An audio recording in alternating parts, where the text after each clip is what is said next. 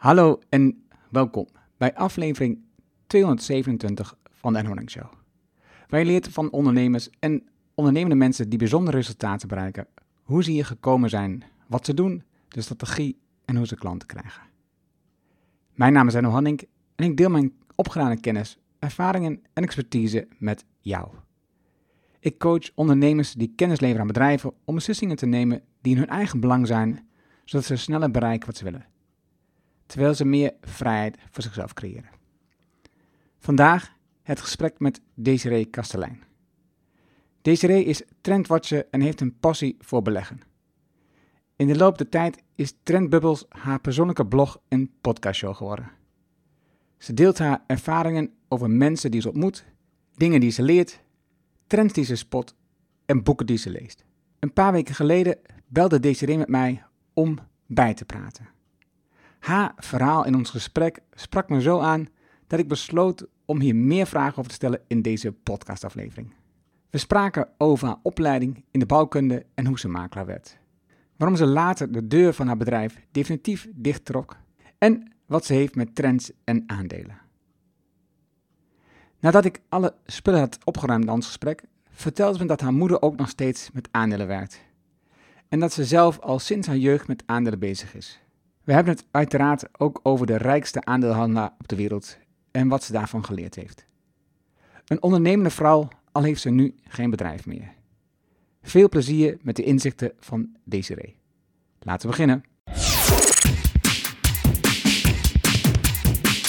Welkom in de Erno Hamming Show. De podcast waarin je leert over de beslissingen om te groeien als ondernemer met je bedrijf. Luister naar de persoonlijke verhalen van succesvolle ondernemers en ondernemende mensen. Dan nu, jouw business coach, Erno Hamming. Zit nu in een ehm, kleine aparte studio, lijkt het wel. Gewoon een eigen Ja. aparte studio van jou. Bij Desiree Kastelein in Breda. Ehm, welkom, Desiree. Ja, welkom Erno. Ja, precies. Welkom in de podcast, welkom in jouw huis. Ja. precies. Dat is altijd heel apart. Ik, ik, ik heet de gast welkom en ik ben in zijn kantoor of huis of wat dan ook. Het is altijd apart om eh, te zeggen welkom. Ehm, wat, ehm, wat, wat gaan we vandaag in ieder geval over hebben? Tenminste, dat- dat is in ieder geval mijn beeld. Eh, Hmm. Ik had het met je in een telefoongesprek, hadden een tijd elkaar niet gesproken. En je zegt, we kunnen eens een keer weer bellen. Prima, leuk om te doen. En ehm, toen had je het over beleggen. En dat, dat spreekt me aan. Leuk. Eh, Dat is iets wat me al een tijd lang bezighoudt. En, eh, maar nog niks mee gedaan. Dus oh, dat is wel een interessant onderwerp in ieder geval. En, en ook jouw levenskeuzes eh, die je hebt gemaakt de afgelopen paar jaar. Maar voordat we dat doen, laten we eens even teruggaan naar ehm, hoe het allemaal begonnen was. En dat doe ik met de meeste gasten. Je bent begonnen op de HAVO. Klopt. En ehm, van de HAVO ben je naar de bouwkunde gegaan, HCS Ja. Tilburg. Dat is toch... Was dat verrassend voor je? Nou, dat, nou, in principe natuurlijk niet. Ik ken het, ik wist natuurlijk trendbubbles en met, ehm, eh, eh, niet architectuur, maar hoe heet het, eh, interieur. Ja. Dat, dat wist ik natuurlijk, Ja. dus, dus, dus die link zag ik wel. Maar bouwkunde is niet echt een vak, want ik heb ook de HTS staan, niet een vak waar veel vrouwen Nee. aanwezig waren. In mijn tijd zijn er vier dames begonnen. Drie hebben het afgemaakt. Ehm, dus In verhouding tot hoeveel mannen? ik denk Jongens. dat er twintig in een klas zaten of zo. Dus er was nog relatief wel veel. En ook wel leuk om te vermelden. Ik ben dus uiteindelijk ja, ook een hele andere kant op gegaan. Ik ben eh, makelaar geworden en ehm, uiteindelijk trendwatcher. En één vriendin van mij is echt architectuur gaan doen. En een andere vriendin van mij die is uiteindelijk in de herenmodezaak van haar vader gaan werken. En uiteindelijk jazzzangeres geworden. dus zo kan, het, zo kan het gaan. Maar ja, als je een beta-pakket hebt, dan... eh, ik zei nog van de week eh, op een etentje. En toen zei ik van... er waren allemaal jongelui en die hadden het over hun keuzes van studie. Eh, gaan kijken met de ouders naar wat ze wilden gaan doen voor studie en zo. En eh, open dagen bezoeken. En toen zei ik, nou volgens mij ben ik niet eens op een open dag geweest. Ik heb gewoon gekozen, nou dat lijkt me wel wat. Ja, het bleek, te, mm, ja, blijkt Bleek best wel een goede keuze te zijn, maar net nog niet helemaal. In die tijd heb ik stage gelopen op de bouw en ehm, echt ja, meegewerkt op de bouw. En het was nog heel erg mannenwereldje. En ik had zoiets, ja, ik zie mezelf toch nog niet in een aannemerij werken of zo. Dat werd tegen het einde van de studie werd dat toch wel duidelijk. En toen dacht ik van nou, dan ga ik gewoon voor makelaar verder, want dat is dan iets minder heftig. Ja, dus nou, zo, zo is dat begonnen met de studie. Ik, weet dat ik heb ook niet echt veel open dagen bezocht. Dat als ik nu kijk naar mijn kinderen, valt het ook wel mee overigens. Um, ik heb er toen twee bezocht. Eén um, ehm, HTS, nee dat was niet HTS, HBO,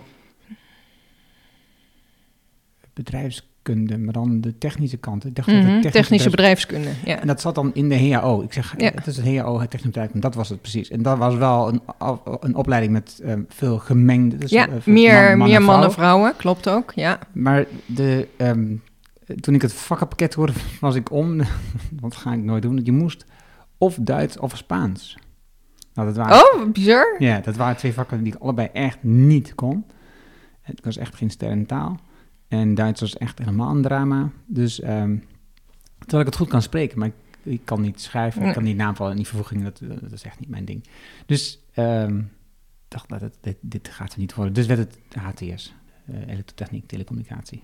Oh, dus je hebt echt, echt een technische... Ja, ja telecommunicatie. Ja, ja. Ook ja, ook wel. Ja, eigenlijk ook wel. Ja, nou, ja, met allemaal berekeningen. Ja, ja, ja, nu ben je dat weer vergeten na zoveel jaar, maar het was echt wel een technische opleiding. Ja, 100 procent. Ja. En, uh, ik, en ik denk dat het voor de meeste mensen geldt, eh, net als bij jou, is dat je uiteindelijk in een vakgebied uitkomt wat helemaal niet meer lijkt op waar je oorspronkelijk bent begonnen. Nee, ik heb er altijd nog wel wat aan. Ja, precies. Dat, dat is dus wel het grappige, dat je opbouwt met wat je allemaal hebt geleerd.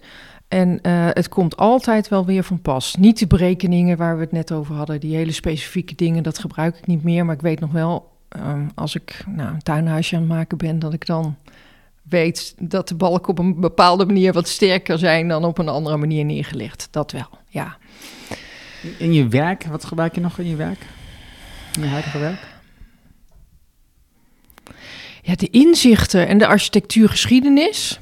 Eigenlijk ook wel meer die basisvakken. Dingen over uh, de architectuur zelf. Mike en ik verzamelen fotografie en dan weet je toch ook wel weer wat van ja, meer die kunstgeschiedenis dingetjes. Ja, van dat soort dingen is gewoon algemene kennis. Ja, Mike, en wel, is je partner? Wat zeg je? Ja, Mike is je partner. Mike is mijn, ja, Mike is mijn man. Ja, ja. ja. Um, ja, en ook wel berekeningen maken. Dat je, en het geduld misschien ook wel om berekeningen te maken en iets uit te vogelen wat je niet weet hoe je dat moet doen. En, ik zei al, het belangrijkste was voor mij altijd, ik heb leren leren daar. Ja, ook wel. En doorzetten. Ja. Heel, ja, want Het was, ik vond het helemaal niet makkelijk. Nee, het was hard werken. Ja, ja. En sommige vakken was ook echt een één bak ellende. Wat voor vak bijvoorbeeld? Beton, betonberekeningen maken. Dat doe je nou allemaal met de computer, denk ik, maar dat moest met de hand. En mechanica, dus uh, echt statische berekeningen maken, dat vond ik echt ook, ja, last, lastig om het te leren. En uiteindelijk, als je het eenmaal het trucje door hebt, dan weet je wel hoe je dat moet doen. Ja, ja, ook echt wel doorzetten en ook wel in die tijd nog steeds toch ook bij, bij de leraren wel dat, dat man-vrouw gebeuren. Dat was toch wel een beetje een, iets wat er overheen zweemde. Ja. Had je, had je toen je uiteindelijk je diploma kreeg, was je toen blij? Opgelucht. Ja. ja, dat ik het had gehaald en ook wel trots. Ja, dat denk ik ook wel. Um, maar toen ik mijn diploma haalde, toen was ik volgens mij was ik al bezig met, met de makelaarsopleiding.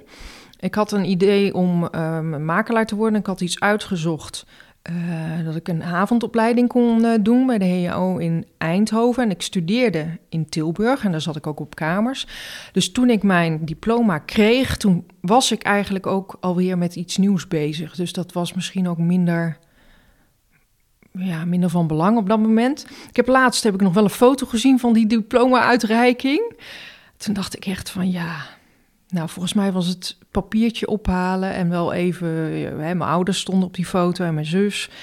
Um, ik had er nou niet echt een blij gevoel aan overgehouden uiteindelijk. Maar ik heb er wel een super toffe studententijd gehad. Dus dat, dat is een hele andere. Want, want eh, heb je dus eigenlijk niet gesolliciteerd toen je van school kwam?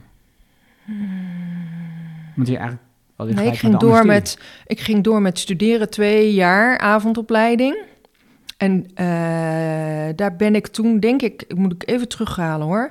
Toen ik afgestudeerd was, ben ik, heb ik me aangeboden bij een makelaar hier in Breda om stage te kunnen lopen. Een soort van betaalde, onbetaalde stage. Ehm, dat, is wel, dat is wel leuk. Om te... Betaald onbetaald betekent, je, je kreeg gewoon weinig. Ja, ik kreeg wijn en ik kreeg betaald over de panden die ik verkocht. Oh. En ik moest natuurlijk nog alles leren. Dus er bleek op een gegeven moment discussie te ontstaan over of ik die panden wel verkocht had, ja of nee. En hij vond natuurlijk duidelijk van niet. En dat is uiteindelijk is dat bij de deurwaarder geëindigd. Ja, wel, grappig. Je eerste baan gewoon. Ja, dat was mijn eerste baan. Vond ik ook wel doorzettingsvermogen eigenlijk. Ja, dat denk ik ook. Ja, ja. Ja, wel grappig. Ja, dat is natuurlijk dat is altijd een discussiepunt als je iets verkoopt op basis van een Provisiebasis. provisie. Ja, het is altijd een discussie wie heeft nou wanneer wat gedaan. Ja.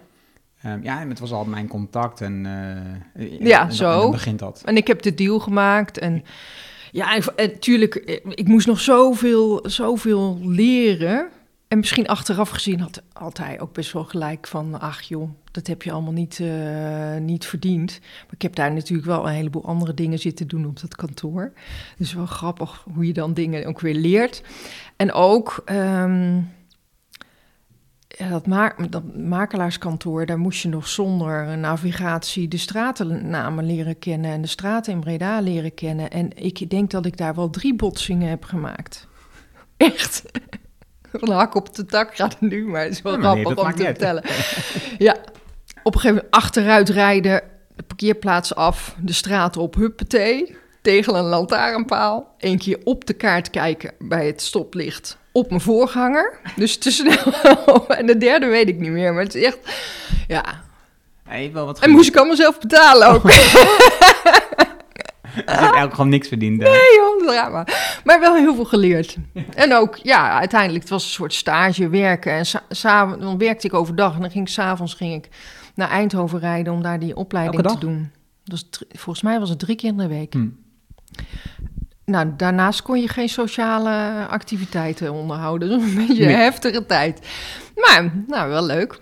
Dat herken ik ook. Ik heb eh, na tijd eh, nog een, eh, ook een avondstudie gedaan. En dat was één middag. kopstudie of één zo. ja, Ja. ex- een MBA, een, een executive MBA, zoals dat is mooi heet. Ja. Dus één middag en een avond. Dinsdagmiddag, dinsdagavond. Ehm, we moesten, ging je naar school. En voor de rest was het gewoon elke avond en weekend eh, Ja, werken aan je verslagen en projecten en leren. En ja, sociaal leven was eh, nul. Nee. Ik geloof dat ik nog één avond mezelf gaf om te sporten. Ja, en dan van of iets op zaterdag of zo. Ja. Maar ik weet wel dat ik... Ja, nou ja, het was ook niet voor niks dat die botsingen eruit voortkwamen. Je was gewoon hartstikke moe. Ja. Alles tegelijk doen. Ja. Ja, Maar ook dat weer, zeg je, eh, het doorzettingsvermogen. ja maar ik, ja. Nou, uiteindelijk misschien wel. Ja. Ik heb het wel gehaald. Diploma in, de, in de pocket. Ja. En één vak niet gehaald. Was ook wel grappig. Was het moeilijkste vak was iets van boekhouden. Daar hadden ze mij een voldoende voor gegeven. En ik heb dat maar zo gelaten. Dus ik heb een HO-diploma zonder boekhouden te doen. Ze- hebben ze er gewoon vergist? Ja, volgens mij hebben ze een vergissing gemaakt. Ja, het was een heel belangrijk vak. Zo leer je nog eens wat. Ja, Je moet eigenlijk je diploma teruggeven nu. ja. Ja. En, maar later, eh, want je bent dan eh, echt in de makelaardij terechtgekomen. ja, Eh, wat ik grappig vond, dat je dus een tijd lang ehm, bij Lidl Nederland hebt gewerkt. ja. Eh, om- Als een van de eerste, me- een van de zeven eerste medewerkers van Lidl Nederland. En dan ook nog specialistisch op het aankoop Ja, van... ze hadden niet anders dan een vastgoedteam. Ik, ja, ik zal even Ja, vertellen wat ik ja. heb gedaan. Ik was, ze noemden dat vastgoedacquisiteur. Lidl kwam vanuit Duitsland naar Nederland. En jij, jij kunt misschien op LinkedIn zien wanneer Lidl in Nederland in 1992. Eh, eh, jij bent van dat- 96 tot Oh, 99. nou, dan is het in 1996 is Lidl naar Nederland gekomen. En op dat moment was ik op zoek naar een baan. En toen dacht ik, hoe ga ik nou een leuke baan krijgen? Ik heb geen idee. Dus toen had ik, volgens mij heb ik de plaatselijke krant, de Stem, heb ik op zaterdag gewoon even de, het snuffertje zitten bekijken. En er was een advertentie van Tempo Team. En daar vroegen ze een acquisiteur vastgoed voor Lidl. Ik wist begot niet wat voor bedrijf dat was. Geen idee. Maar de broer van Mike, mijn man dus, Hans heet hij. Hans werkte in de food. En uh, tegen Hans zei ik van ik wil daar gaan solliciteren. En hij zei gelijk tegen mij: Oh, deze D, noemen ze mij altijd. D moet je gelijk doen, want het is echt een super groot bedrijf. En nou, proberen om daar binnen te komen. Dus ik knoopte dat in mijn oren, want het is een hele grote supermarkt. Ik had nog helemaal geen beeld daarbij. Ik was nog nooit in een Lidl geweest. Of, nou, dan moet ik niet liegen. Volgens mij ben ik voor de sollicitatie wel naar Duitsland gereden om daar even een rondje te lopen. En ik ben naar het hoofdkantoor gereden. Ik werd dus uitgenodigd. Ik ben naar het hoofdkantoor gereden. In Huizen zat dat toen. Daar begonnen ze. En daar was, ik denk toen was er één directeur, een onderdirecteur, een secretaresse. En ik denk dat er toen twee of drie mensen op de vastgoedafdeling werkten. Want het was de bedoeling dat Lidl in Nederland zou starten met winkels. En ze moesten eerst vastgoedlocaties hebben. En uh, ik weet nog dat ik een gesprek had en dat ik naar buiten kwam en dat ik echt dacht van wat een, nou ja, ik vond zo'n belachelijke vent die mij die sollicitatie afnam. Het was een heel, heel raar gesprek. En ik dacht of ik ben het of ik ben het niet. En ik werd dus opgebeld dat ik het dus wel was. En uiteindelijk ben ik dus via Tempo Team daarvoor twee maanden of zo begonnen. En uh, heb ik een vast contract gekregen. En werd ik lid van het team, ik denk van zeven mensen als ik me herinner. Die door heel Nederland vastgoedlocaties aan het spotten waren. En dan moet je je voorstellen dat, dat je dan bij de plaatselijke drogist naar binnen liep. En op het moment dan aan het wachten was dat daar niemand binnen was in die drogist. En je zag dan al dat het een soort papa- en mama-winkel was. Dat is dan een winkel, ja, dan heb je een speciale term daarvoor van een, een, eh, een kleine drogist. Waarvan je al eigenlijk wist dat die meneer het gewoon zijn winkel wilde verkopen. En um, ik had daarvoor verzonnen een hele mooie zin die ik nog steeds gebruik. Want je moet een binnenkomer hebben. En het is een hele rare vraag die je gaat stellen. Dus dat was mijn binnenkomerszin. Ik heb u een hele rare vraag te stellen. En dan waren die mensen al zo geïnteresseerd en geïntrigeerd. Nou, en dan, ik ben op zoek naar een winkellocatie. En weet u misschien of iemand zijn winkel wil verkopen? Dan hield ik het nog een beetje algemeen. En ik ben nooit weggestuurd.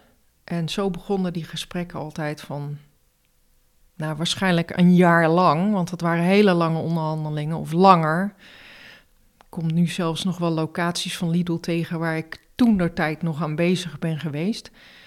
En dan moest je proberen om die locatie te veroveren of te, te kunnen kopen of huren of wat dan ook. En ja, locaties aan elkaar breien, uh, van alles en nog wat. Hoeveel locaties heb je dan gespot? Nou, het was winkels in, geworden uiteindelijk? Ik denk, in mijn, want ik heb er denk ik een jaar of vijf gewerkt voor Lidl. 96, 99. Oké, okay, een jaar of vier. Ja. Um, ik denk dat er een stuk of zeven winkels zijn geopend van de locaties die ik allemaal langs uh, ben gereden. Mm -hmm. um, een heleboel locaties was ik dus aan, nog aan bezig en hebben, an, hebben collega's dat uiteindelijk afgemaakt omdat... Uh, hoeveel locaties had je daarvoor gespot? Och, ontelbaar. Ik begon in Brabant. En op een gegeven moment uh, ja, moest er, waren er ook mensen die uh, de acquisiteur in Limburg waren en die bijvoorbeeld wisselden van baan. En dan moest je dat gebied over gaan nemen.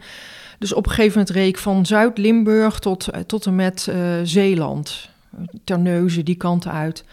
Ik ken nog steeds ieder winkelcentrum in die regio, en met name dan regio Brabant, ken ik van die tijd. Ik weet nog precies dan van waar ik dan mee bezig ben geweest. En uh, ja, je liep in iedere winkellocatie uh, liep je wel binnen. Of iedere locatie die wat zou kunnen zijn. En in de tijd had je ook nog bestemmingsplannen die heel spannend waren en waar je allerlei dingen mee kon doen om te kijken of je daar toch niet een winkel kon beginnen. Ondertussen hebben ze echt, ik weet niet hoeveel winkels, maar heel veel winkels Ja. in Nederland. Het is een fantastisch bedrijf. Ja. ja. Ik heb er zoveel geleerd over. eh, dat moet jou ook wel aanspreken. En zeker als je bij de Duitse grens woont. De orde en netheid en de, de clean desk policy. En eh, ik heb er geleerd om heel zuinig aan te doen met dingen die je nodig hebt voor je bedrijf. Ook zo'n voorbeeld op een gegeven moment. Dan, ehm, dat is wel Duits. Je kreeg een auto van de zaak natuurlijk. En die auto was gerelateerd aan je functie. En op een gegeven moment dacht ik van nou, ik wil wel meewerken met die zuinigheid. Dus ik wil geen Passat, maar ik wil wel een Volkswagen, eh, Volkswagen Golf. Nou, dat was dan niet de bedoeling, want je moest wel die Passat rijden. Dus dat, daar zat dan wel die ordening in.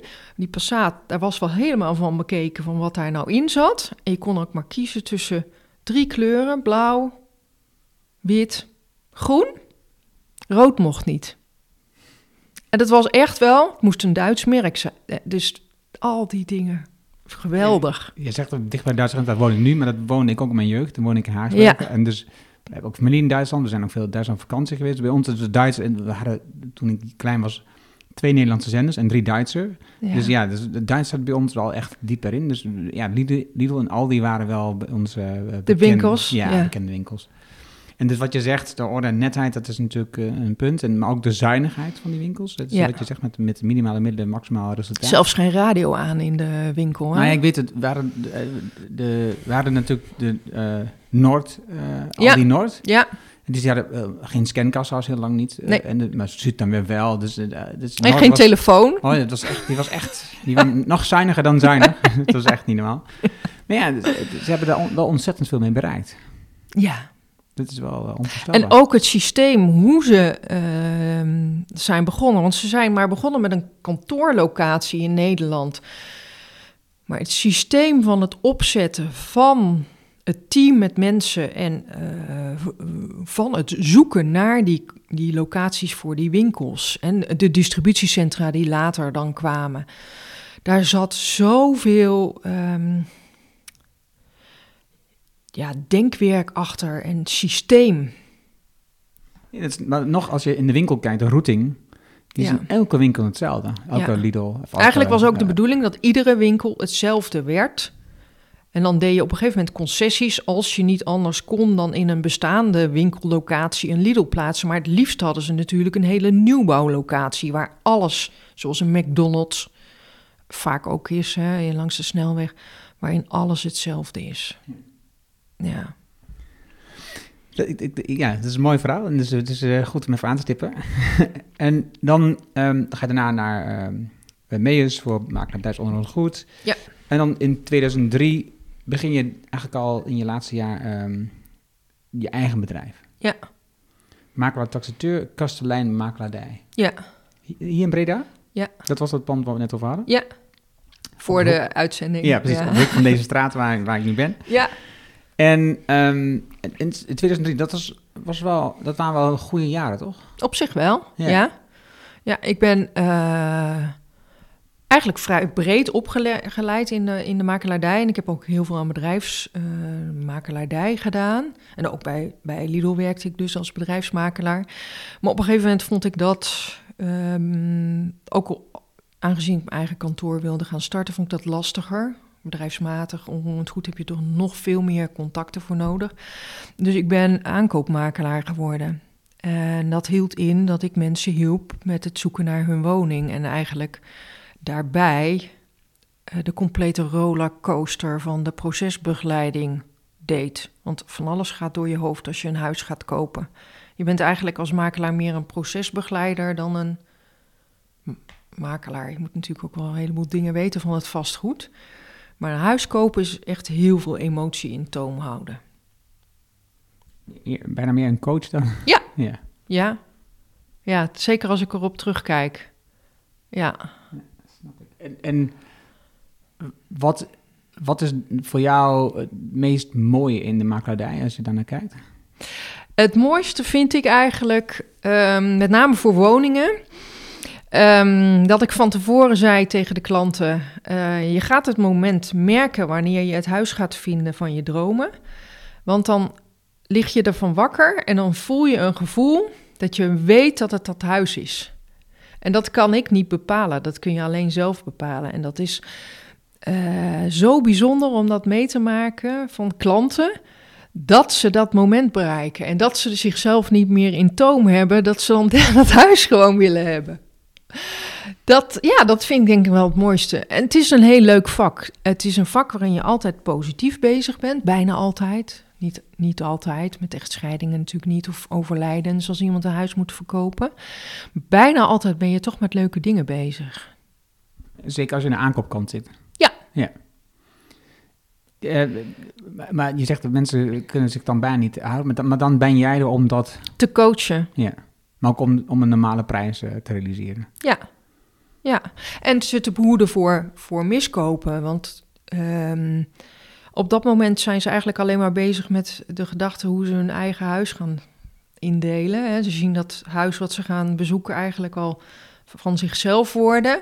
En vaak hebben ze tijdens een bezichtiging zoveel aandacht al nodig voor de ruimte zelf, dat eigenlijk alle andere aspecten, daar heb je geen tijd voor om daar naar te kijken. En als ik dan meeging, dan kun je daar juist naar kijken en die dingen ook uitzoeken. Dat je echt het eh, betere spit- en speurwerk kunt doen. Nou ja, bij Lidl heb ik natuurlijk wel geleerd om te spit en speuren. Dus uh, ja, ik ben eigenlijk ook een beetje kleine Sherlock Holmes geworden daardoor. ik vind het gewoon heel erg leuk om een, een huis op het oog te, te hebben en daar alles van uit te zoeken. Um, en dan te weten dat je goed werk aflevert en dat je je klanten een eerlijk advies geeft. Want ik heb ook wel klanten advies gegeven van weet je zeker of je hier wel wilt wonen? Of dit wel het huis voor jou is, of dit wel de buurt voor jou is. En met name mensen die uit het buitenland kwamen, of mensen die uit andere delen van het land naar Breda kwamen. Soms zit er een hele kleine nuance in een, bepaalde, tussen bepaalde wijken of in een bepaalde stuk van een straat. En als je ja, daar waarde kunt toevoegen, dan is dat, ja, dan is dat wel mooi om te doen dan, je vindt het, een, vindt het een mooie baan, je vindt het een mooi werk, je, je, je, hebt, je praat van ja, Je vraagt je af waarom ik, het, nou, waarom ik ermee ben dus, gestopt. Dus, dus, wat is dan het moment dat je stopt met met Ja, dat is, heel, nou, dat is eigenlijk heel simpel. Um, Mike en ik hebben geen kinderen. Um, ik merk dat ik een beetje emotioneel van word. Um,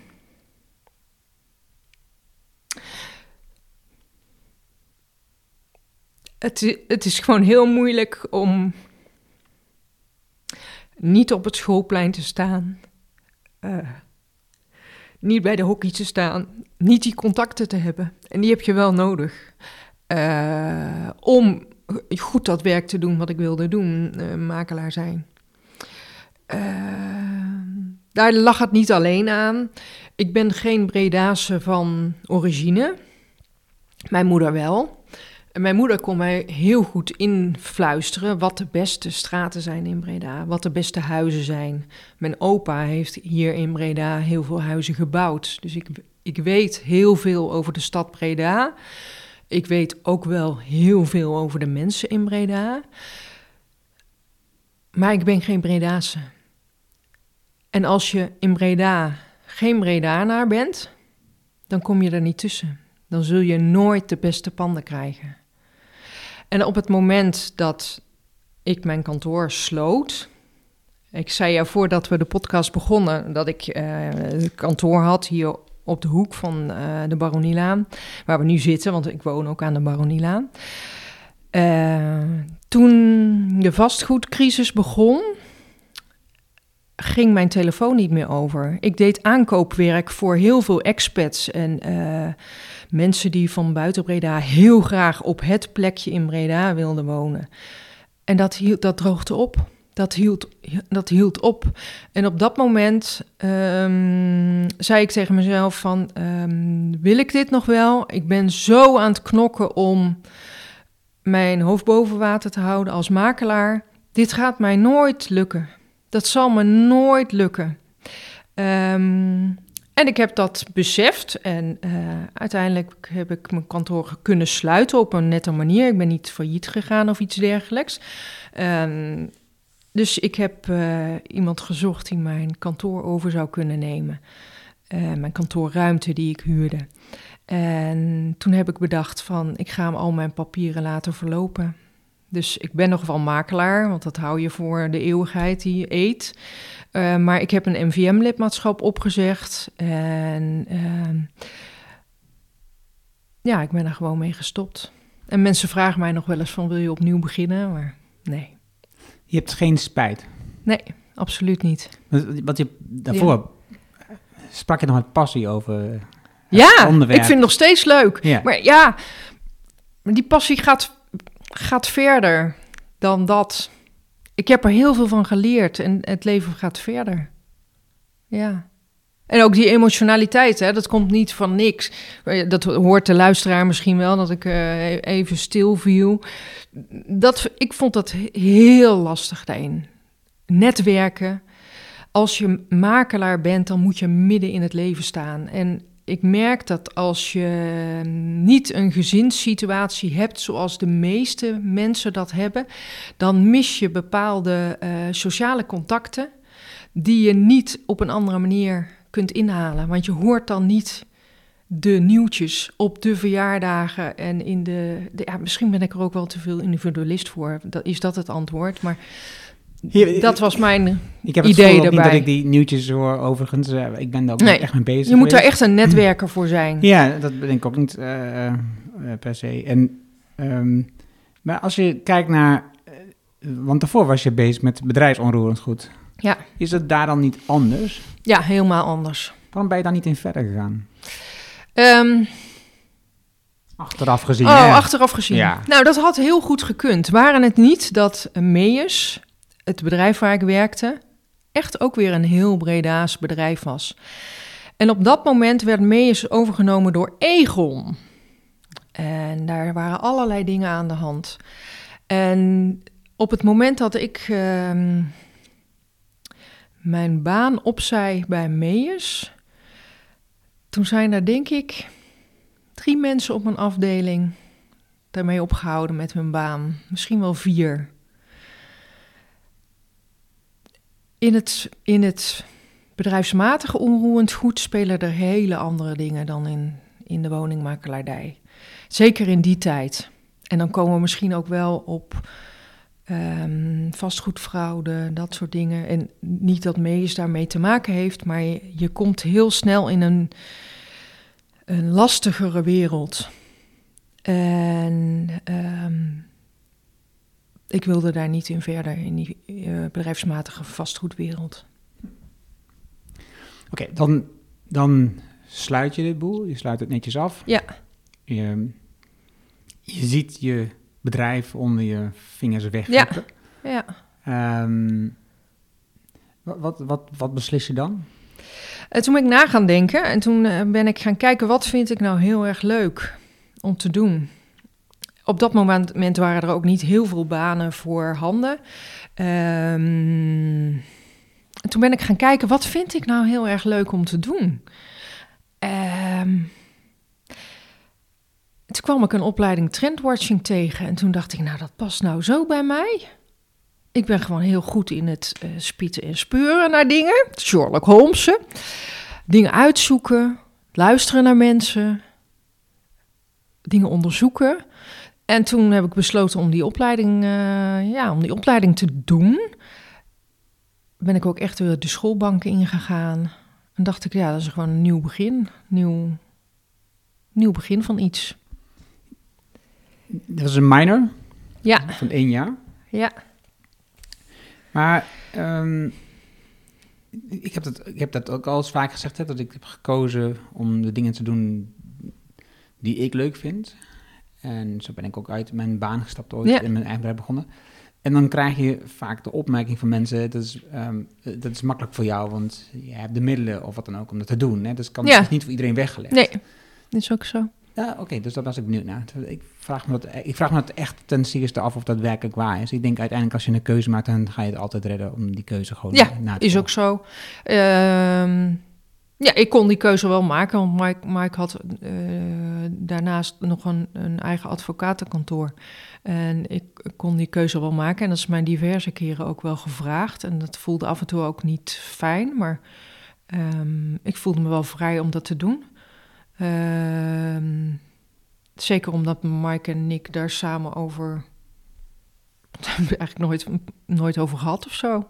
Dat kon gewoon, Nee. ja. Dan, dan begin je die opleiding, eh, Ja. die rond je af. Wa- Wat, eh, wat voor bedrijf zie je dan voor je? Eh, ik zag geen bedrijf voor me. Nee, ik zag alleen maar tools voor me. Ehm, dingen die ik zou leren waar ik weer andere dingen mee zou kunnen doen. Dit is nogal wazig. Dingen die ik zou kunnen leren. Ja, waar, die ik zou kunnen gebruiken. Het bleek ook, ik vond de opleiding leuk omdat het me intrigeerde. Ik denk, ja, wat is nou trendwatching en wat houdt dat nou in? Wat kan ik daarmee en wat moet je daarvoor leren? Nou, tijdens de opleiding leerde ik dat je door veranderingen te zien in de maatschappij, dat je die veranderingen ehm, op een rij kunt gaan zetten en kunt gaan duiden. En dat je daaruit een trend kunt distilleren. En dat je met die trends ook weer andere dingen kunt gaan doen. Ehm, ik, had, ik had nog geen idee wat ik daarmee zou kunnen. Dus ik ben niet gestart met een einddoel van ik kan daar dat en dat mee gaan doen. Nee, ik hield dat helemaal open. Maar een bepaald moment ben je een nieuw bedrijf begonnen. En eh Trendbubbles. Ja. Waar, wat voor soort klant dat, waarmee verdien je geld, wat voor producten verkocht je? Ehm, dat was eigenlijk heel basis. Ehm, ik ben een blog begonnen omdat ik in de opleiding een blog moest beginnen omdat dat onderdeel was van de opleiding. En ik weet niet of ik daarvoor het blog al had of ehm, dat ik dat tijdens de opleiding heb verzonnen. Maar je begon met kleine blogposts te schrijven over de dingen die je, die je zag. En eh, dat was onderdeel van de opleiding. Zo is dat begonnen. En langzamerhand had ik het idee van, oh, daar kan ik misschien wel meer mee met dat bloggen. En toen leerde ik dat je met bloggen ook eh, je geld kunt verdienen door eh, affiliates, dus doorverwijzingen van, van ehm, producten. Eh, dat je betaalde blogposts kon gaan doen. Er ging een hele wereld voor mij open. En ik dacht, nou, ik ga mezelf inschrijven bij de Kamer van Koophandel. Ik ga wel zien wat, zien wat dit wordt.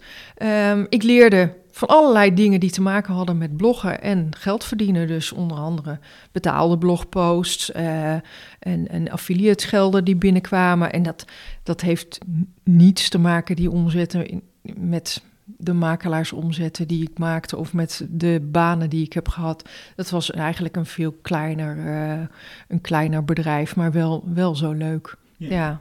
Meer passie dan... Uh... Dan dat het hele grote inkomsten zijn. Ja. ja.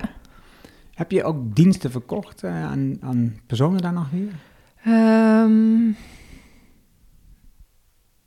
moet ik heel hard denken. Enkele keer misschien, maar niet. Dat is geen vaste. Nee, zijn, nee. is geen vaste dienstverlening geweest. Nee. nee. Nu, um, ondertussen is er weer van alles veranderd. Ja. Um, je hebt een tijd, heeft de trendbubbels allemaal stilgelegen. Ja. En nu heb je het weer opgepakt. Ja. Um, hoe zie je trendbubbels nu? ik zie het nu meer als een persoonlijk blog. En ik ben me ook wat vrijer gaan voelen. En daarin voel ik ook verbondenheid met jouw blog. Vrijer gaan voelen in wat ik schrijf en waar ik me op richt. Ik zie het echt meer als een grote speeltuin waar je alles in kunt doen wat je leuk vindt. Um, ik gebruik het blog nu ook als basis voor uh, de beleggingen die ik doe. Um, ik gebruik het als eigenlijk een in, dat ik daar onderzoeken in kan doen in die blogposts die ik schrijf. Om te kijken of ik trends kan ontdekken die ik in de beleggingen die ik daarnaast doe, privé, um, of ik het daarin in kan gebruiken. En dan kan ik wel een voorbeeld noemen. Ehm, ik was heel erg geïnteresseerd in Starbucks als bedrijf. Ik wilde heel graag weten of dat nou een bedrijf was waarin je zou in ku- kunnen investeren als aandeelhouder. En toen dacht ik, nou, dan ga ik mezelf gewoon de opdracht geven om een blog te schrijven over koffietrends. Wat houdt de koffietrend nu in? Wat kun je er allemaal mee? Wat is er aan de, aan de hand met koffie? En daar is een hele mooie blogpost uitgekomen die ik dan online zet, waar andere mensen gebruik van kunnen maken. Daar komt dan af en toe misschien nog een affiliate linkje in om mijn blog toch nog eh, te kunnen laten bestaan en een, een geldstroom binnen te kunnen laten komen. Ehm, ja, ik heb de vrijheid om te schrijven wat ik wil. En ik hoef me niet voor andere mensen in te houden. Nee. Maar je bent dus, je bent, oh, want jouw man heeft zijn advocatenkantoor ook gesloten. Ja, ja. F- twee jaar terug? Ja. ja. Oh. En dus eigenlijk zijn jullie nu... Ja, wat ben je dan eigenlijk? ja, dat weet ik ook niet. Want je, je, je werkt niet, je bent geen werknemer, Nee. je bent geen ondernemer. Ehm, je- jullie verdienen je geld met, met beleggingen. Onder andere, ja. Je vertelt net dat je je blog nu gebruikt om trends te analyseren en die te gebruiken in je beleggingen. Ja. Ehm, als ik nu kijk naar, als ik zou beleggen, dat is in het begin gezegd, hè, dat is eh, iets Ja, waar ik mee bezig Want, eh, eh, ja. dit- je hebt je levenskeuzes gemaakt, onder andere ehm, door een bepaald moment de, de, de makelaardij uit te stappen. Ja. Door een opleiding te doen in trendwatching, omdat je dat gewoon heel leuk lijkt. Zonder daar enige consequenties en lange ja, termijn ik wist doel in nog te God niet hebben. waar, waar, wat ik ermee zou eh, kunnen doen. En dus dat zijn toch wel bepaalde beslissingen in je leven die een effect hebben laten. Want ja, je, je, je, je begint een blog, je gaat een podcast beginnen. eh, en uiteindelijk analyseer je nu trends om na te denken over... ga ik in dit bedrijf beleggen, ja of nee? Ja, Als we even kijken naar het beleggen als, als persoon zelf. Hè? Dus welke mensen volg jij met name om te leren over beleggen bijvoorbeeld? Ik ben een fan van Warren Buffett. Ehm, Is dat omdat hij, omdat hij al zo succesvol is? nee, ehm, ik denk dat hij heel veel op mijn vader lijkt. Het is iemand die voor hele lange termijn gaat. Die heel goed weet wat hij wil. Heel goed zijn visie kan vasthouden. Daar helemaal niet van afwijkt. En heel goed prioriteiten weet te stellen. En dat is iets wat ik echt ja, in die man bewonder. Ik, ik- want ik had... Ken je, nou- ken je Warren Buffett? Ja, uiteraard. Ja. Nou, wat vind jij er zo leuk aan? Nou, weet je, jij had in jouw podcast had je het over die 25-5 Ja. eh, stelling bijvoorbeeld. Ehm, en ik denk ook de lange termijn. Eh, eh, hij belegt tegen draads.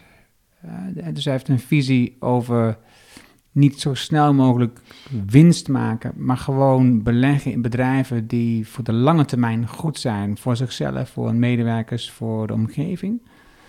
Ik denk dat dat eh waardevol... En ik denk ook en dat weet ik niet zeker, want ik heb hem niet zo goed Nee, onderzocht als jij. ja. Het- maar, maar ik denk ook dat hij meer kijkt naar wat is de waarde van het bedrijf voor de omgeving dan voor de aandeelhouder. En, en ik denk dat dat een, een goed uitgangspunt is. Ik denk dat als je naar veel aandeelhouders kijkt, die kijken heel erg sterk naar hun eigen aandeelhoudersbelangen en een maximaal rendement uit een Ja. aandeelhouder, aandeel willen halen. En ik denk dat dat niet de goede weg is. Nee. Ik denk dat als, je, als, als dat je uitgangspunt als aandeelhouder, dan, dan uiteindelijk gaat het bedrijf, eh wordt geregeerd op korte termijn. Ja. En dus dan kijk cont- ik heb bij een bedrijf gewerkt wat beursgenoteerd was, dan krijg je continu ehm keuzes Push, te maken ja. op basis van kwartalen. Ja. En dus dan kijk je, wat zijn, wat zijn de omzetkwartalen? Kunnen we nog ergens doos naartoe schuiven, zodat we het lijkt alsof we het meer verdiend hebben? Er waren momenten dat we bijvoorbeeld geen office supplies mochten kopen, omdat dat dan de kosten zouden drukken. En dat is, dat is zo'n absurde omgeving waarin je moet werken, die niets meer heeft te maken met gewoon het beste te realiseren voor het bedrijf. ja. En ik denk, als ik daarnaar kijk, van een afstand naar Warren Buffett, dan denk ik, ja, dat is, dat is dat is wel iemand die daar minder naar kijkt en die veel minder kijkt. Wat, is, wat, is, wat betekent het voor het bedrijf? Wat, wat is, hoe, hoe doet het bedrijf het voor zichzelf, voor de medewerkers van de omgeving? En wat je vertelde ook, wat ik ook al had gehoord, hè, dat hij een, een heel groot deel van, het grootste deel van zijn Ja. vermogen heeft geschonken aan het ehm, eh, fonds van eh, Melissa en eh, eh, Bill Gates. Bill Gates. Ja, ook die mensen die doen maar wat. Ik heb bijvoorbeeld eh, de, de serie gekeken op Netflix van eh, de eh, Bill's Mind. heet het Ja, hoofd, ja, leuk. Ja, dat, is- ja, dat- ik heb wel met dat soort dingen heb ik wel iets. Hè. Dus mensen die nu nadenken over hoe ze wat ze hebben opgedaan in, in Ja, hun leven. wat je kunnen- daarmee hoe wil je dat doen. goed kunt inzetten. En er zitten natuurlijk allerlei haken en ogen aan. En mensen hebben daar vast mening over. Het maakt me niet uit. Ik heb daar Ja. ook een mening over. Dat is de mijne. En, en zo een beetje. Ja, nou ja, dat was ik nog vergeten. Dat ik dat zo mooi aan hem vind. Dat hij wel heeft bedacht wat hij... Hij heeft een oplossing gevonden wat hij met zijn vermogen wil doen. Eh, en dat heeft hij iemand anders toevertrouwd. En dat, of, eh, dat is de foundation dan van, van Bill en Melinda Gates. Eh, ja, Ja, Melinda, niet Melissa. Melinda. Melinda? Ja, Ja, ja, Melinda. ja, oh, oh, ja, ja. ik had het niet eens gehoord. Eh, ja, geweldig. Ja, en, ik, ik, en ze zijn natuurlijk al lang ehm, vrienden. Dus, het, en, Ja. dus dat, is, dat helpt enorm eh, als je, als je, je je enorme vermogen aan iemand toevertrouwt. Ja. Ehm, maar ook het samenspel, denk ik, met, ehm, met zijn maatje, weet ook weer? Charlie, ja, Charlie M- Manglar. Munger. Manglar. Eh, ja, dat, ik, ik, ik, ik, ik vind het mooi. Weet je, hoe hij... De ze zijn al zo lang vrienden en dat zegt ook wel iets over zijn karakter. Ja. Ja, samen daaraan gaan werken en samen ook van mening kunnen verschillen, ehm, maar wel bezig zijn op een leuke manier, lol hebben in wat je doet. Ja, en tegelijkertijd ook gewoon wel hard werken.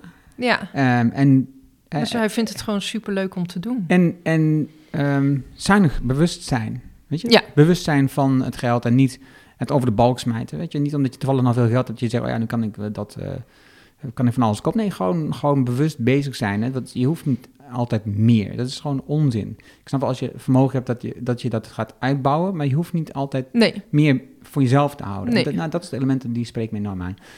Dus als jij kijkt nu naar hoe jij nu je portfolio opbouwt, wat, wat, voor, wat voor dingen gebruik jij dan daarin? Oh, een heleboel dingen. Ik haal even mijn, eh, mijn enorme we lijst kunnen natuurlijk niet zien tevoorschijn. hier Nee, ik zal even vertellen hoe het eruit ziet. Ma- Mark en ik hebben een, eh, een schema gemaakt. Je kunt het misschien horen voor de microfoon. Ik vouw het nu even uit.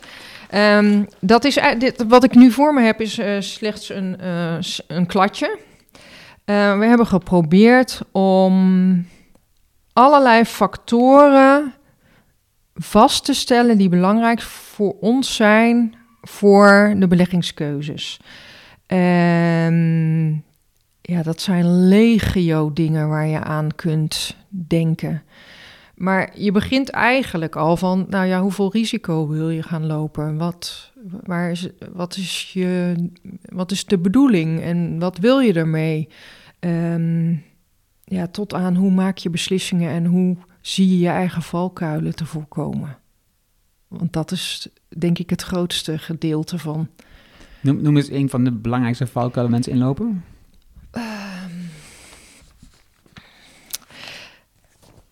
Misschien heb je ook wel aandelen gehad van het bedrijf waar je in gewerkt hebt.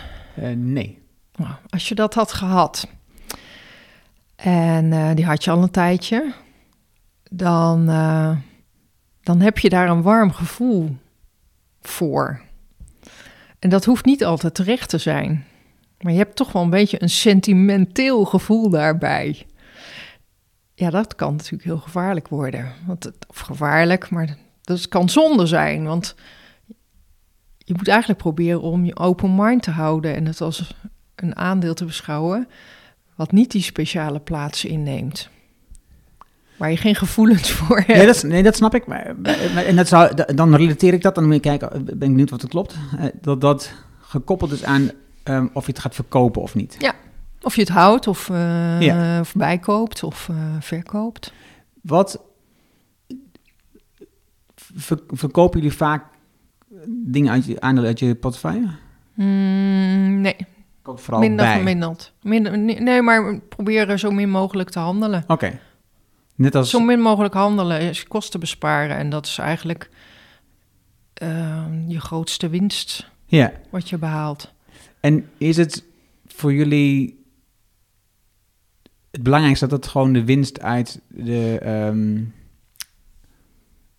eh, dividend komt? Ja, dat, dat is eigenlijk, moet je, zie ik het meer zo van je moet ieder jaar je belastingen betalen. En dat moet ergens uitkomen. Ehm, als je dividenden hebt, dan heb je een vaste inkomensstroom. Dus heb je al een dobbertje. Ehm, als je dat dobbertje hebt, dan is die fluctuatie van het aandeel veel minder belangrijk. En dan heb je eigenlijk meer vastigheid.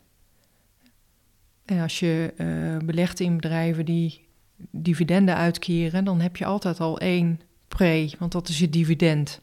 Als het dividend dan heel hoog is, dan wil dat eigenlijk ook zeggen dat je misschien wel meer risico loopt, omdat het bedrijf zo graag al die dividenden uitbetaalt, dat het wel een reden moet kunnen hebben dat er misschien wat meer aan de hand is.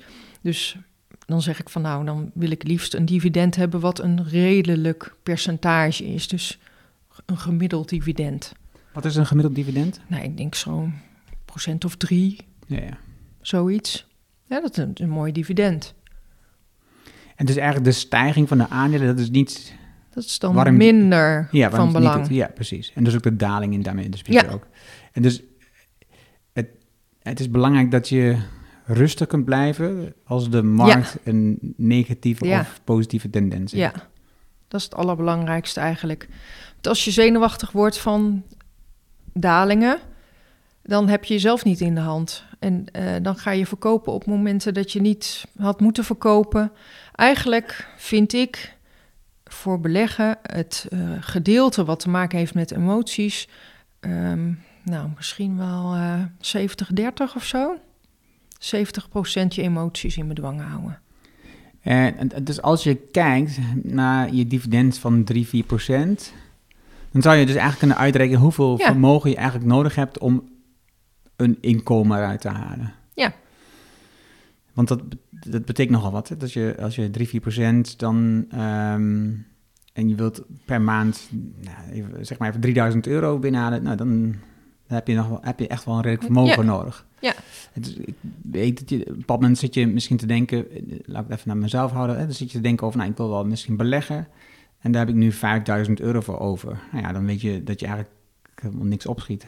Waarom schiet je niks op? Nou ja, als je dan 3% dividend op jaarbasis hebt, dan... Ja, dan, eh, Maar hoe is Warren Buffett begonnen? Ja, dat, dat is een goede vraag, maar ik, ik herinner Hij is begonnen met een hele kleine dingen te verkopen. En juist de, eh, eigenlijk die compounding, dus de, de opeenstapeling van je dividenden... eh, en, en natuurlijk ook je, de stijgingen van je aandelen, daar zit de crux in. Dus als je lang blijft zitten en heel lang vooruit gaat kijken... en je gewoon zeker weet van jezelf dat je daar lang in blijft zitten... dan komt dat vanzelf. En dat komt eerder dan je Wat is dan een denkt. lange termijn volgens jou? Eh, 30 jaar. Ja, maar dat, dat is dan voor mij al... Nou, het zou nog kunnen, maar dan heb ik op mijn tachtigste Ja. geld. Dus het is ook weer zoiets. Hè? Nou ja, maar, maar, maar dat je zegt van eh, langer termijn, maar eh, pensioengerechtigde leeftijd, als je daar dan aan, begin, aan begint te denken van nou, dan wil ik een, een bedrag bij elkaar hebben. Ehm, als je het niet doet, je kunt het op de bank laten staan, hè? Ik- nou, dat is me eens, maar eh, eh, ik hoorde een podcastaflevering... ehm, en ik dacht dat het met de Humble Poet was uit mijn hoofd, eh, met James Altucher. Mhm. Het is een van de podcasts die ik enorm veel luister. En je had een apart stukje uit die, het gesprek gehad wat ging over ehm, investeren. En je denkt natuurlijk op het moment dat je hè, de- investeert dan van, oh ja, dit zijn de belangrijkste aandelen waar we het over gaan hebben. En Ja. Zeker met James Altucher, die heeft eh, veel met, met echt beleggende dingen, met, met, met eh, obligaties en, en, en fondsen en weet ik dan wat. Maar in dit geval ging het over dat ehm, als je een bedrag hebt bijvoorbeeld of 15, eh, 5 of 10.000 euro, dan kun je het veel beter investeren in je bedrijf of in jezelf. De kans dat je er dan rendement op haalt, die is vele malen groter dan dat je het zou doen in aandelen. Ja. Hoe zie je die stelling? Ja, kan ik wel, kan ik wel mee leven. Ja. Eh, de vraag is ook, als je niet heel veel tijd hebt om te steken in beleggen en je uh, hebt niet veel tijd om daar kennis over op te doen en je wordt misschien snel zenuwachtig ervan, dat je denkt van, poeh, dat kan ook nog eens gaan dalen.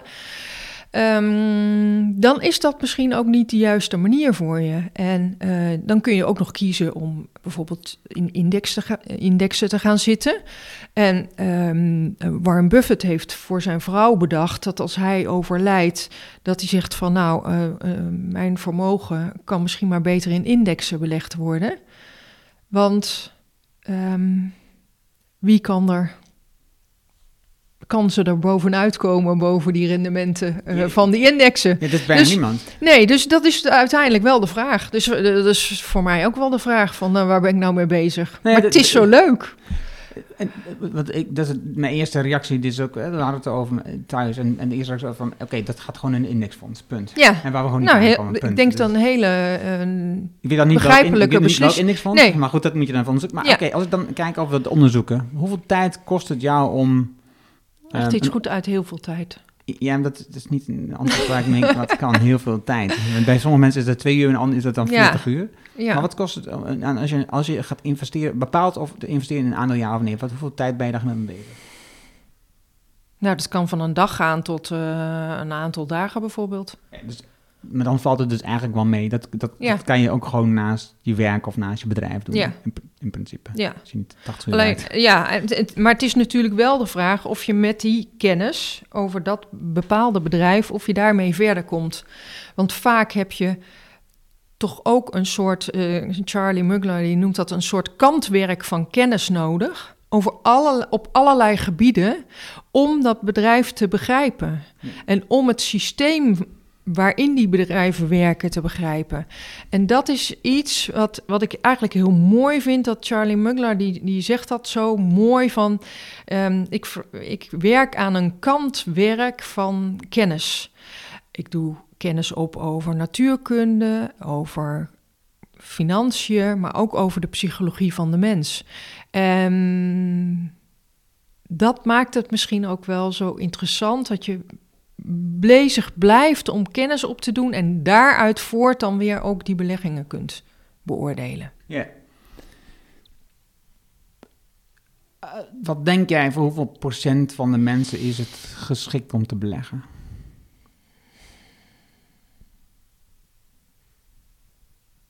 Die op, ligt eraan op welke manier je dat zou willen doen. Hm. Als je daar heel actief mee bezig wilt gaan en dan, dan kun je misschien beter overwegen om het in fondsen te doen of in, in, in indexen. Is dat de beste oplossing? Of misschien op een andere manier, als jij eh, zegt van nou, ik, ik, eh, ik doe dat in mijn bedrijf. Of ik, ehm, ik doe dat in vastgoed. Misschien nog een beter iets, als dat beter bij je past. Heb je ooit aan daytrading gedacht? Ja, je, nee, zit, nee, je, ja, zit er zo middenin nu. Ja, ja, nee. Ja, wel een gedacht, maar nee, is er niks voor. Want? Moet je helemaal opzitten en ehm het is een en al zenuwentoestand eh, en, en ook met pieken en dalen en zo. Ja, wat levert dat uiteindelijk op aan het eind van de rit? Is, het, is het nu, je doet veel kennis op, dat deel je in je blog over ehm, de onderzoeken die je doet voor een bedrijf of voor een markt of voor, een aandeel. van alles, ja. Ja, en vast eh, ook bredere onderwerp, maar in ieder geval Ja. even als ik kijk naar, dat, naar het investeren stuk. Ehm, als je succes, wat ik zie gebeuren, is dat mensen die succesvol zijn in, in investeren, dat die, dat die toch ook mensen, andere mensen gaan trainen, opleiden om dat ook te doen. Zie, je- zie je dat gebeuren? Omdat je ook al Ehm, zo'n schema hebt gemaakt. Ja, ja. Van jezelf, maar dat kan je natuurlijk ook delen. Ja, dat kun je wel. De, dat, nou, dat zou iets kunnen zijn. eh, wat leuk is om het te delen. Eh, om het openbaar te maken. Van en je, kennis te delen. Of iets van een boek ervan te maken of zo. Ik heb nog geen idee wat dat gaat worden. Maar ik denk wel dat daar iets meer in zit. eh, dan alleen het schema wat nu in klad eh, hier op tafel Ja, ligt. ja, ja, ja. Maar ehm, ja, ook omdat je. Eh, Mike en ik hebben daar zoveel eh, onderzoek en tijd in zitten. Dat is eigenlijk zonde om dan niet iemand anders daar ook van te kunnen laten meegenieten. Ja, precies. Dat denk ik dus ook altijd. Ik denk, als ik kijk naar ehm, jij hebt ook veel over geluk. Heb je ook een aantal afleveringen gehad Ja. in de podcast. En ehm, ik, ik kijk er ook veel naar wat maakt mensen nu gelukkig. En het zijn, het zijn zulke simpele dingen. Mensen gelukkig, dus eh, werken maakt mensen eigenlijk over het algemeen niet zo heel erg gelukkig. Ja. en dus dus het samen zijn met anderen, ehm, geven. eh, dat zijn allemaal elementen die je, die je heel gelukkig maken. En daar hoef je echt niet veel geld voor te verdienen of iets dergelijks. Nee. En eh, dus als je je kennis opdoet en dat weer deelt, dat is zoals ik het voor mijzelf in ieder geval ehm, heb bedacht. En is dat, eh, dan, dan geef ik mijn kennis gewoon weg. Ja. Weet je? Ik maak boekjes, ik geef dat weg, omdat, ik, omdat dat het mooiste is wat je kunt doen. En dan, dan haal je het meest plezier uit. Ik zie dat ook voor mezelf, ik ervaar dat ook. Dus wat wil je dan nog meer, denk ik dan altijd. Ja, meer, Ja. veel meer is er niet gewoon. Nee. Nee. Dat, Het, dus het ontmoeten van mensen, eh, zoals nu in de podcast, Ja. eh, dat, dat zijn de mooiste dingen die je kunt doen. Eh, en die kosten eigenlijk geen- drol. nee. Maar je haalt er wel heel veel... Ja, ik, ik haal er heel veel uit. Ja, Voor mezelf en kennis. Maar het is het ook het, eh, het delen. Want je geeft die energie ook weer weg. Of die inspiratie eigenlijk eh, ook weer weg. Kennis. Ja. Oké. hebben nog een paar dingen eh, even uit het ehm investeerstuk weg. Je, je, je, je bent net als ik een eh, experimenteur, zeg maar. Dus je experimenteert met bloggen, je podcast en je, je video's. Nou, dat soort dingen heb, heb ik ook altijd gedaan. Ehm, hebt twee videokanalen heb je. Ja. YouTube-kanalen. En dus het ene is eh, Trendbubbles. En Maar je hebt ook een ander YouTube-kanaal. en Wat eigenlijk gewoon, eh, als je kijkt naar het aantal eh, eh, eh, abonnees en het Mhm. aantal views, is rete succesvol. Oh, vind je? Ja. Ja, het is een bloemen eh, YouTube-kanaal. Ehm, ik ben op een gegeven moment bloemenvideo's gaan maken. En dat vond ik gewoon leuk om te doen. Ik heb een, eh, eh, een hobby en dat is Japans bloemschikken. En op een gegeven moment dacht ik, ik ga dat, verspreiden, ik ga dat verspreiden, ik ga dat on- online zetten. En daar ben ik best wel fanatiek in geworden. Ehm, maar op enig moment kwam ik erachter van ja, ik ga bloemenvideo's maken. Ik haal al die bloemen in huis. En als het warm weer is, dan staan die bloemen voor die video's klaar. En dat, dat moet achter elkaar gemaakt worden. Het was me. Nou, we zitten nu in een. Ik noem het maar podcaststudio. Maar dit was dan ook wel eens eh opnamestudio voor de bloemen. Nou, het stond hier helemaal vol met bakken met, met bloemen. En op een gegeven moment dacht ik, ja, basta ermee. Het is ja niet meer te doen. Dus ehm, mensen vragen mij ook nog heel regelmatig... Deze wanneer maak je weer van die bloemenvideo's? Maar ehm, ja, hobby, hobbyisme, gewoon leuk om erbij te doen. En er komen nog steeds abonnees bij, maar Ja, dat, ja. ja, dat is logisch. Het, het- het- en als je kijkt naar het aantal abonnees, ben je, een aantal kijkers, ben je op een aantal vlakken zeker heel succesvol. Want jouw Pinterest-platform doet het ook enorm goed. Met Oh, je eh, bent goed 160.000 eh, eh, maandelijkse kijkers. ja, dat is een van mijn grootste trekkers voor mijn blog. Ja, dat is abnormaal. Vind je dat? Ja, Ja, ja, het is wel heel, ja, heel grappig. Op een of andere manier zit daar een eh, enorme trekker in naar, naar het blog. Nou, ik, kan het, ik, kan het, ik kan het heel goed begrijpen. Hè? Dus eh, trends, het is veel met beeld. En dus, dus ik snap het, ik snap het eh, eh, principe. En dus als, Ja. ik, als ik praat over ondernemers, dan heb ik niks aan afbeeldingen. Dus dat, is, eh, dat, dat werkt niet Heel, zo. Maar met ja. trends is het heel logisch. En je zoekt naar trends, dus ik snap dat allemaal. Maar, het is, maar je hebt het wel gaaf gedaan. Hè? Dus je, je hebt het mooi opgezet. En 100, 160, 120.000 zag ik staan maandelijkse kijkers op je Pinterest-kanaal. Nou, dat is toch Ja, dat is nu nog in elkaar gezakt. Dat was echt een half miljoen of zo. Dit is toch niet normaal? niet normaal. ja. En dan heb je ook nog 1800 abonnees op eh, Player FM, zag ik in ieder geval, op je podcast. ja, hoe dat nou kan? Nou, dat wou ik aan je vragen. Nou, echt, Erno, ik ben er van de week achter gekomen dat op mijn podcastkanaal ineens eh, eh, FM, Player FM. Player FM, dat dat de grootste trekker aan het worden is voor mijn podcast. Ik heb geen idee hoe dat kan. Ik denk, ik kan bij jou nou het geheim halen. Ik weet het niet. Ik denk dat het ligt aan enkel eh, misschien een aantal eh, eh, keywords of zo die ingevuld. Ik heb, ik weet het niet. Het is zo raar. Ja, mooi toch? Hartstikke, ja, hartstikke leuk. Ja. K- kan niet anders zeggen, maar het is ook soms zo vreemd dat je eh, voor je blog of je podcast ineens een boost krijgt en je weet niet waar dat dan van komt. Ehm, ja, ik heb nu zoiets van, nou, kan het, hopelijk blijft dat zo. Ja. Misschien heb ik ooit een keer op de voorpagina gestaan van de Player FM of zo. Ik, ik heb geen idee. Nee, ik, ik, ik- dat, dat boost, dat is wel grappig. Ik heb dus nog wel een statistiek op mijn site. En, eh, en soms zie je van een bron dat er in één keer veel bezoekers komen. En, eh, eh, en, en het totaal onverwacht, weet je. Dus dan Ja. een artikel wat al vijf jaar oud is. En, Ja, en dat dus- dan dus- ineens gaat draaien. denk, En ook op waarom? onderwerpen waarvan je denkt van, nou, hoe kan dit nou ineens gaan? Ja, ja. Het, ik, en ik vind het altijd machtig om te zien, eh, grappig. En, ik, en ik, ik, ik word er ook niet meer anders van of zo. Dus ik denk ook niet van, oh ja, nu wil ik meer van dat soort dingen gaan schrijven, dat meer mensen... Nee, Ja, dat, ja, maar dat niet werkt dan werk. toch niet. Nee, precies. J- jij doet veel, ehm kom een beetje aan de laatste vragen uit. Je doet dus veel onderzoek. En je leest net als ik heel veel. Ja, heel wel. Wat is, wat is een boek wat je de laatste hebt gelezen waar je, wat de meeste impact op je heeft gehad? Oh, moet ik even goed denken hoor. Ik heb hier een lijstje. Ik hou in mijn eh, notitieboekje hou ik een lijstje bij met boeken die ik ieder jaar lees.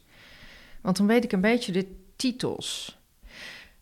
Ja, ik ga een heel raar boek noemen, wat eigenlijk niks met bedrijfsmatig iets te maken heeft. Ehm, het is De Liefdesladder van Elze Marie van de Erebeemt. Eh, je kent haar misschien wel. Zij is familiepsychologe. En ehm, ik heb dat boek heb ik in huis gehaald omdat ik wist dat Else Marie echt heel erg goed in, is in eh, ja, familiepsychologie. En ik ben dat gaan lezen net voor of net na het overlijden van mijn vader. En ehm, het is eigenlijk aan te raden voor iedereen die een, in een familie leeft. Dus eigenlijk voor iedereen. en daarin wordt zo goed uitgelegd hoe families werken. En ehm Else Marie van der Erebeemt die noemt op een gegeven moment ehm, voorbeeld dat zij een lezing geeft. En ze is heel vrij aan het praten. Het gaat allemaal hartstikke goed. En op een gegeven moment ziet zij aan de achterkant van de zaal... ziet zij haar zusje binnenkomen lopen. Of haar zus. En zij verwoordt dat dan zo van... Oh, en ineens voelde het weer alsof ze me vlechtjes zat te doen. Van vroeger uit, hè. En vond ik zo'n mooi voorbeeld... En ze legt dan later ook uit dat er op een gegeven moment eh, op tv was er zo'n ehm, een eh, tv-programma waarin bekende Nederlanders werden uitgenodigd bij Mies Bouwman op een bankje. Ik weet niet meer de titel de, van de bank, de bank was Heette dat de bank? Nee, nee, maar dat was... Ja, de bank. En bij dan kwamen er was het allemaal. of zo, voor mij. Ja, Zoiets. ja, ja, ik Bij weet. Mies op de bank misschien wel. Ja, zoiets. Ja. En dan kwam daar een bekende Nederlander en dan kwamen er allerlei familieleden en andere mensen die eh, diegene kenden van lang geleden kwamen dan voorbij. En zij noemt het eh, voorbeeld van een politicus die heel makkelijk kon praten. En op het moment dat zijn broer langskwam, voelde die zich ineens blijkbaar heel anders en werd het gewoon een heel klein mannetje. Heel, heel ander persoon. Dus ineens kreeg hij de rol van het familielid. En ja, ik vind het een heel leerzaam boek. Gewoon in allerlei verhoudingen. Ook om leuk om te, te herkennen en ook als tip weg te geven aan andere mensen. Want Dat is, dat is precies waarom ik dit vraag. Weet je, je krijgt gewoon onverwachte boeken door die je zelf Ja. nog nooit hebt gelezen. Dat is precies waarom ik dat doe. ja, Ik zal de link naar het boek in de show Ja. notes opnemen, dan kun je het gelijk ja eh, de aanklikken. liefdesladder heet De hij. liefdesladder. Als je, de laatste vraag. Als jij, ehm, en deze eh, ik van Tim Ferriss, maar als je een banner hebt, Mhm. eh, levensgroot zeg maar, waar miljoenen mensen op zouden kunnen kijken, en er zou een niet-commerciële boodschap ook komen te staan, wat zou daarop moeten staan?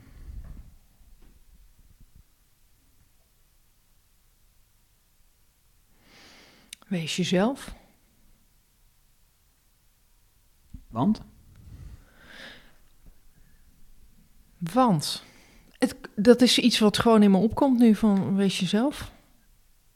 Is, is dat, Doe je eigen dingen die, waar je eh, passie voor hebt of passie voor voelt. En eh, is dat iets wat je zelf de verandering hebt doorgemaakt? Voor jezelf, merk je dat? ja, misschien wel. Het komt, in, komt in me op. Ik heb geen idee waarom, dat, waarom ik dat nu zeg. Nee, maar maakt niet uit. Nee. Waar vinden mensen jou, Desiree? Ehm, online. Bedoel je dat, waar ze mij vinden? Ze, ku- ze kunnen me vinden op mijn, op mijn blog, trendbubbles.nl. eh, of op de podcast, Player FM dus. Player FM. En dan even op Trendbubbles zoeken. Ja. En dan kun je naar, naar de podcast luisteren. Het merendeel van ehm, de dingen die ik maak is echt wel podcasts. Dus als je het leuk vindt om naar podcasts te luisteren... dan, eh, dan kun je luisteren naar tal van onderwerpen... eh, die misschien minder of meer interessant zijn... en eh, je meer intrigeren of meer inspireren. eh, de ene meer dan de ander. Bent van harte welkom. En ook wat je leuk vindt of minder leuk vindt aan de website. Vind ik leuk om te horen. Je reacties. Je zit nu op bijna 100 afleveringen, als het goed heb, toch? Ja, Ja. Ja. ja dus mensen uh, luisteren naar de podcast van Desiree. Ja. Leren over nou, heel veel dingen. Uh, de laatste aflevering onder andere over beleggen en meditatie. Ja. ja. En uh, dankjewel Desiree. Dankjewel, Enno. Dat was het mooie gesprek met Desiree. Je vindt de namen en links die we noemden in het artikel dat bij deze uitzending hoort. Ga daarvoor naar ernohanning.nl slash show 227. Wil je vanzelf automatisch de volgende aflevering op jouw telefoon krijgen? Heb je een iPhone? Heel simpel. Ga naar de podcast app, de Apple Podcast app. Die zit standaard op je telefoon. Zoek op de Ernohanning Show met het vergrootglas.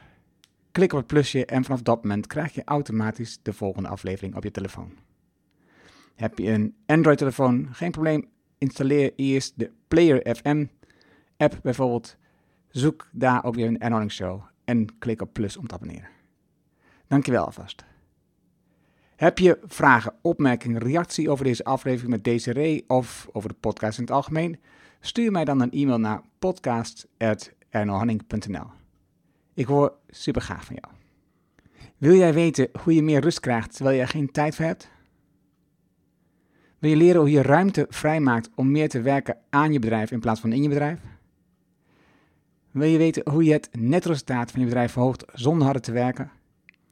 Vraag dan het gratis boek Beter Beslissingen, Beter Bedrijf aan op ernohanning.nl. Het is mijn nieuwste boek en je krijgt het helemaal gratis. Als je de digitale versie downloadt, krijg je hem direct. Wil je het fysieke boek, krijg je per post opgestuurd, ook nog steeds gratis. Je betaalt wel alleen de verzendkosten.